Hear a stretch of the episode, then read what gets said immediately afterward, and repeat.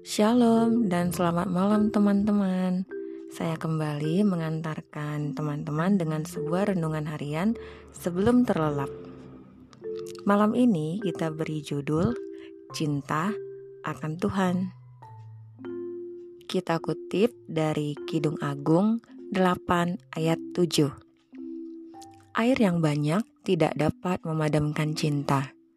Sungai-sungai tak dapat menghanyutkannya Sekalipun orang membeli, memberi segala harta benda rumahnya untuk cinta, namun ia pasti akan dihina. Jatuh cinta adalah masa yang sangat menyenangkan antara pria dan wanita. Semua terasa indah.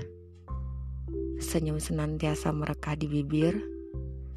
Bahkan jika sehari tidak mendengar suaranya, maka dunia terasa tidak berwarna tidak nafsu makan, enggan untuk berbuat apa pun. Ya, seperti itulah jatuh cinta. Jika ada yang mengaku bahwa ia jatuh cinta, tetapi tidak mengalami hal di atas, itu bohong. Percayakah pasangan kita jika kita mengatakan bahwa kita menyayanginya, kita mencintainya, tetapi selama seminggu tidak komunikasi dengannya. Pasti ia tidak percaya kan ya? Demikianlah kita dengan Yesus. Kita mengatakan bahwa kita jatuh cinta dengan Yesus. Karena Yesus sangat mengasihi dan berkorban untuk kita.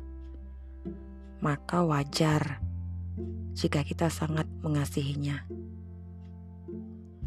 Tapi adakah kita memiliki komunikasi yang baik dengannya? Adakah kita setiap saat meluangkan waktu untuk Tuhan?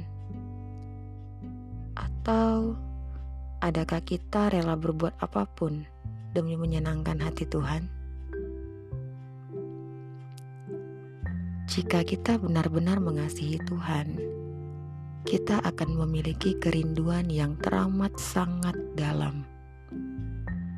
Saat bangun pagi, ialah yang kita sapa.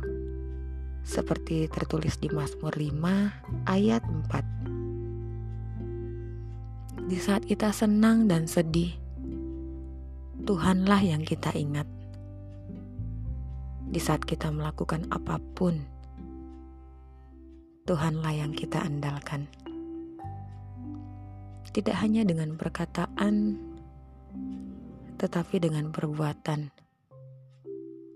Dengan ungkapan kasih lewat doa, pujian, dan penyembahan. Dengan waktu, tenaga, pikiran, talenta, dan dengan apa pun yang kita miliki. Semua kita persembahkan untuk Tuhan yang kita kasihi. Cinta Tuhan tidak hanya kita hanturkan lewat perkataan, kita buktikan juga lewat perbuatan. Terima kasih, teman-teman. Selamat istirahat untuk kita semua. Tuhan Yesus memberkati.